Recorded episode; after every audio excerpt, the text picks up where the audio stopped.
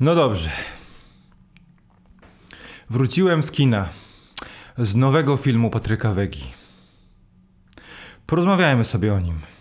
Miałem przygotowany wstęp jeszcze przed seansem, ale po obejrzeniu pętli nic, co napisałem we wstępie, nie wydaje mi się wystarczająco zabawne. Dlatego może puśćmy intro. Albo nie. Ten film nie zasługuje nawet na intro. Wiecie co? Ja nie mam zbyt dobrego kontaktu z kinematografią, z twórczością Patryka Wegi. Pierwszym filmem, jaki obejrzałem, były Plagi Breslau i to wyłącznie dlatego, że po kilku piwach Wraz z kolegami postanowiliśmy znaleźć sobie film na wieczór. Z tego filmu zgadzam się tylko z jednym przesłaniem. Nie należy karmić gołębi, bo później wszędzie srają. Miałem napisane kilka naprawdę zabawnych żartów, na przykład taki, że to kolejna odsłona Vega Cinematic Universe, że Stramowski, Królikowski, Wrankę i Kożuchowska w końcu przybiorą plastrony spandeksowe z krzyżem na piersi i workiem pełnym kokainy będą układać z wyroli. Ale tak nie jest. Bo Patryk Wega postanowił stworzyć opowieść iście biblijną z przesłaniem, że nie możemy Właściwie nie wiem, co nie możemy. Ale po kolei. Kilka dni przed premierą Pętli Patryka Wegi na Filmwebie ukazał się podcast, którego gościem był właśnie nasz reżyser. Opowiadał wtedy, jak pracowało się w czasach pandemii nad filmami, bo ma ich już kilka w zanadrzu. Jak ciężko było stworzyć tę produkcję. Jak źle mu było podczas tworzenia, podczas kręcenia tego wiekopomnego dzieła, że to dzieło będzie różnić się niesamowicie od wszystkich jego poprzednich filmów, że on jest ultrakatolikiem, że jest ultrakatolikiem, że jest ultrakatolikiem. I nie może, nie daje rady oglądać filmów po niemiecku i po rosyjsku. Te przytoczone frazy, oczywiście niedokładnie, z tego oto wywiadu doskonale oddają, co Vega prawdopodobnie chce przez ten film powiedzieć. Ale po kolei. Pozwólcie, że się rozbiorę,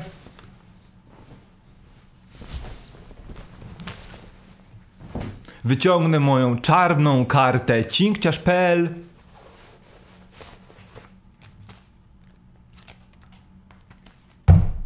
i wciągniemy trochę kokainy. A tak naprawdę to nie, to moja karta Cinema City Unlimited. Ciekawostka, pierwszy raz pan nie chciał wpuścić mnie na salę kinową, ponieważ na zdjęciu którego wam teraz nie pokażę. Jestem 30 kg cięższy i mam trochę więcej włosów. Po kolei, bo Pętla opowiada historię Daniela Śnieżka, policjanta, który chce na skróty przejść na szczyt kariery. Dlatego też z krawężnika w Warszawie staje się członkiem CBŚP w Rzeszowie po tym jak podkłada pewnego czeczeńskiego terrorystę i wpada w łaski. Gdybym nie wiedział, że postać Daniela Śnieżka wzorowana jest na prawdziwym mężczyźnie, to pomyślałbym, że Patryk Wega wziął sobie angielskie snowflake, które określa białych, heteroseksualnych mężczyzn, którzy są bardzo wrażliwi na punkcie swojego jestestwa i nadał mu postać człowieka. Nie jest tak niestety, ale to bardzo, bardzo zgrabne zagranie. E, nasz Daniel Śnieżek bardzo szybko awansuje w hierarchii, podkładając e, różnych szemranych gości, z którymi robił interesy, po, pnie się po szczebelkach kariery i następnie, właściwie nie wiadomo dlaczego, postanawia, że sam stanie się bandziorem, jednocześnie będąc cały czas policjantem. I cały czas to podkreśla zakłada burdel, ma kolejną kochankę, kolejną dziewczynę i cały czas mówi, że jest policjantem. Poza tym nikt nie orientuje się, co na boku, jakie interesy na boku prowadzi policjant. Ciekawe, prawda? Kolejna rzecz. Vega wie doskonale, że on nie ma absolutnie nic do powiedzenia. Dlaczego? Bo fabuła mknie jak szalona.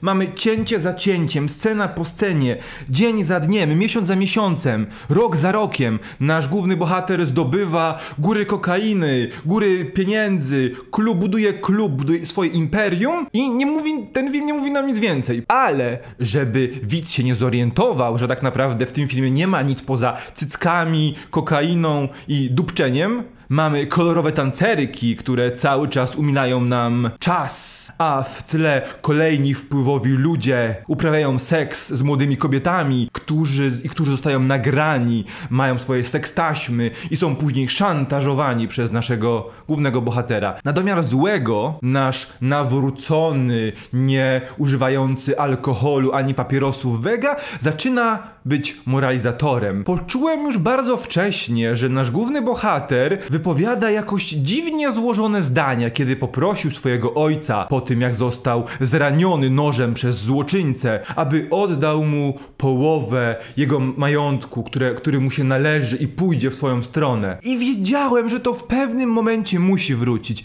I wraca, ponieważ Vega Tutaj oczywiście spoilery. Opowiada nam historię Daniela Śnieżka przez pryzmat syna marnotrawnego, mający wszystko, wszystko traci, jest na samym szczycie, aby spaść na dno i później wraca na kolanach do swojego ojca i prosi go o wybaczenie, a ten mu wybacza i razem jedzą kolację wigilijną.